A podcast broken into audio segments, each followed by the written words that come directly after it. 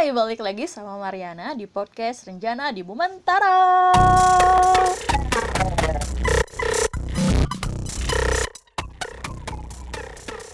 Sekarang kita ada di hari ke-11 dari 30 hari bersuara yang diadakan oleh The Podcasters Indonesia. Tema hari ini adalah di persimpangan. Dari sekian banyak tema yang dikasih sama The Podcasters, ini adalah salah satu tema yang susah bagi aku. Padahal di diskusi sepertiga malam, pasti kalau ngomongin persimpangan itu identiknya sama nikung-nikung. Tapi kenyataannya, di tema hari ini tuh aku nggak bisa nyeritain apa-apa. Aku udah nyiapin apa yang pengen aku ceritain itu dari bulan lalu. Jadi aku udah nulis tema pertama sampai ke tema ke-31. Terus aku kasih tanda panah. Aku tulisin, aku mau cerita tentang apa. Jadi ketika aku mau rekaman, aku nggak perlu mikir lagi mau mikirin soal apa. Tinggal nyusun-nyusun aja, ngomongin ini, ngomongin ini, ngomongin ini. Tapi di tema persimpangan ini tuh aku justru mengalami kendala. Persimpangan itu kan identiknya sama jalan ya, suatu jalan bercabang dan kita dihadapkan pada dua pilihan, mana yang akan kita pilih.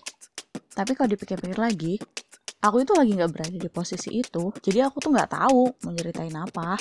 Sampai akhirnya ada kejadian beberapa hari lalu yang menyebabkan aku berada di persimpangan. Nggak usah jauh-jauh, kita masih bercerita soal 30 hari bersuara. Jadi tanggal 7 lalu, 7 sore tepatnya, aku tuh tiba-tiba sakit. Sakit pinggang, sakit lengan, sakit leher, sakit kepala. Curiganya sih karena kelelahan. Jadi dari sejak tanggal 1, aku tuh ngebut yang namanya rekaman, ngedit, dan rata-rata rekaman aku itu butuh waktu lama. Seenggaknya setengah jam lah untuk sebuah rekaman. Dan target aku itu satu hari dua. Berarti kan aku untuk rekaman sendiri ngabisin waktu sekitar satu jam. Buat aku itu lama, karena setelah diposting itu rata-rata cuma 10 sampai 15 menitan.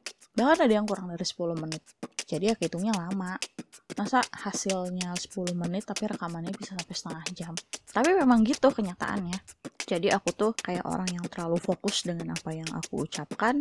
Jadi ketika aku merasa kalau aku salah bicara aku akan mengulang. Dan aku itu tipe yang rekamannya itu sekali jadi tapi riwah di editing. Jadi misalkan aku salah ngomong nanti kalimatnya bakal aku ulang. Dan nanti bagian yang salah itu aku potong. Selalu kayak gitu. Karena aku bukan orang yang punya banyak waktu buat rekaman. Bukan karena nggak ada waktu tapi karena aku tuh rekaman biasa kalau lagi sendiri di rumah atau lagi sendiri di kamar dan gak ada orang-orang di sekitar aku aku baru bisa rekaman. Kalau misalkan ada orang aja eh, kamar aku tuh kan sebelahnya dapur. Kalau ada orang di dapur aku nggak akan bisa rekaman. Pasti diem jadi begitu ada waktu buat rekaman aku push terus. Pokoknya rekaman harus beres. Kalau dia salah ya aku balikan lagi ngomongnya. Tapi mundurnya sih nggak suka jauh-jauh paling cuman sekalimat sekalimat. Dari tanggal satu itu yang paling berat buat aku itu adalah ngeditnya. Karena kan aku punya podcast tuh masih baru banget kan. Baru mulai bulan lalu doang. Dan aku tuh belum familiar sama editing jangankan pakai aplikasi yang berbayar. Pakai anchor aja dulu aku bingung loh. Ini cara motongnya gimana? Ini biar enaknya jadi gimana? Meskipun sebenarnya anchor itu adalah aplikasi paling mudah yang bisa kita pakai gitu kalau kita mau podcasting.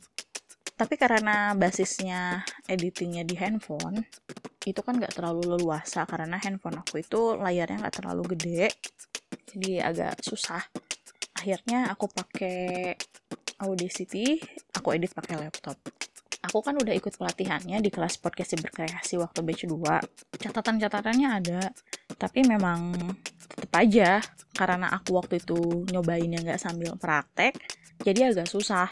Untuk mengedit sebuah rekaman 30 menit itu aku bisa ngabisin waktu 4 sampai 5 jam untuk mendapatkan hasil seenggaknya 50 persennya lah pasti bakalan kebuang. 30 menit itu paling jadinya 15 menit 10 menit antara itu-itu aja. Dan itu ngeditnya 5 jam. Jadi aku tuh biasanya mulainya sekitar jam 5 sore sampai jam 10 malam. Nah jam 10 malam baru aku kebut buat episode yang satunya lagi.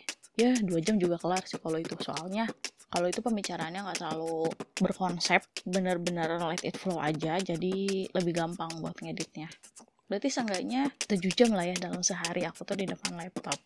Ya nggak tiap hari 7 jam sih tapi kayaknya paling minimal itu 5 jam.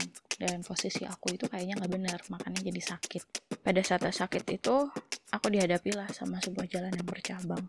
Aku ngedit dalam posisi kayak gitu kan selama tujuh hari penuh tuh.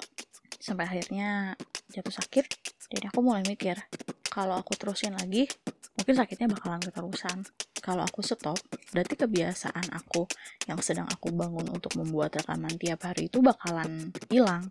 Karena untuk membuat suatu kebiasaan kita seenggaknya perlu melakukannya selama 30 hari berturut-turut sehingga kemudian gak bakalan jadi berat lagi untuk dilakukan. Sakitnya itu buat aku sih bener-bener gak ketahan bukan gak ketahan karena saking nyerinya tapi kalau aku sakit itu udah bawaannya tuh pengen tidur tidur tidur aja di bawah ini pengen istirahat itu nggak mau ngapa-ngapain gitu. Pengen buka laptop nggak mau makan aja kadang-kadang nggak mau kerja aja seringnya nggak fokus. Dan aku mulai mikir kalau dilanjutin sakitnya mungkin bakal berkelanjutan kan. Kalau diberhentiin ya masa aku nyerah gitu aja aku kan baru mulai tanggal 8 tanggal 9 tanggal 10 tanggal 11 tanggal 12 tanggal 13 aku mulai ada perbaikan. Jadi sebenarnya rekaman yang kamu dengerin ini adalah rekaman yang aku buat di tanggal 11 cuman biar rapi postingannya aku mundurin ke tanggal 11 tanggal 13 aku mulai merasa baikan setelah hampir satu minggu gak buat rekaman sama sekali nah, akhirnya aku mulai mikir untuk posting satu hari satu aja aku bisa ngalamin sakit kayak gitu. Apalagi sekarang aku harus buat rekamannya double sehari biar aku bisa ngejar ketinggalan. Sampai tanggal 15 aku masih mikir aku udah ketinggalannya sampai seminggu penuh. Tapi akhirnya tanggal 15 malam ketika aku ngerasa badan aku bener-bener fit aku ngeraih handphone memencet tombol record dan mulai mengoceh. So far sih aku tetap cuma bisa satu hari satu rekaman. Tapi aku harap aku bisa ngejar ketinggalan. Aku nggak pengen berhenti meskipun sulit juga untuk melanjutkan. Aku nggak pengen berhenti dan aku akan tetap jalan meskipun susah untuk dilakukan. Who knows? Mungkin bisa aja tiba-tiba aku punya banyak waktu luang buat mengejar ketinggalan. So kita lihat aja nanti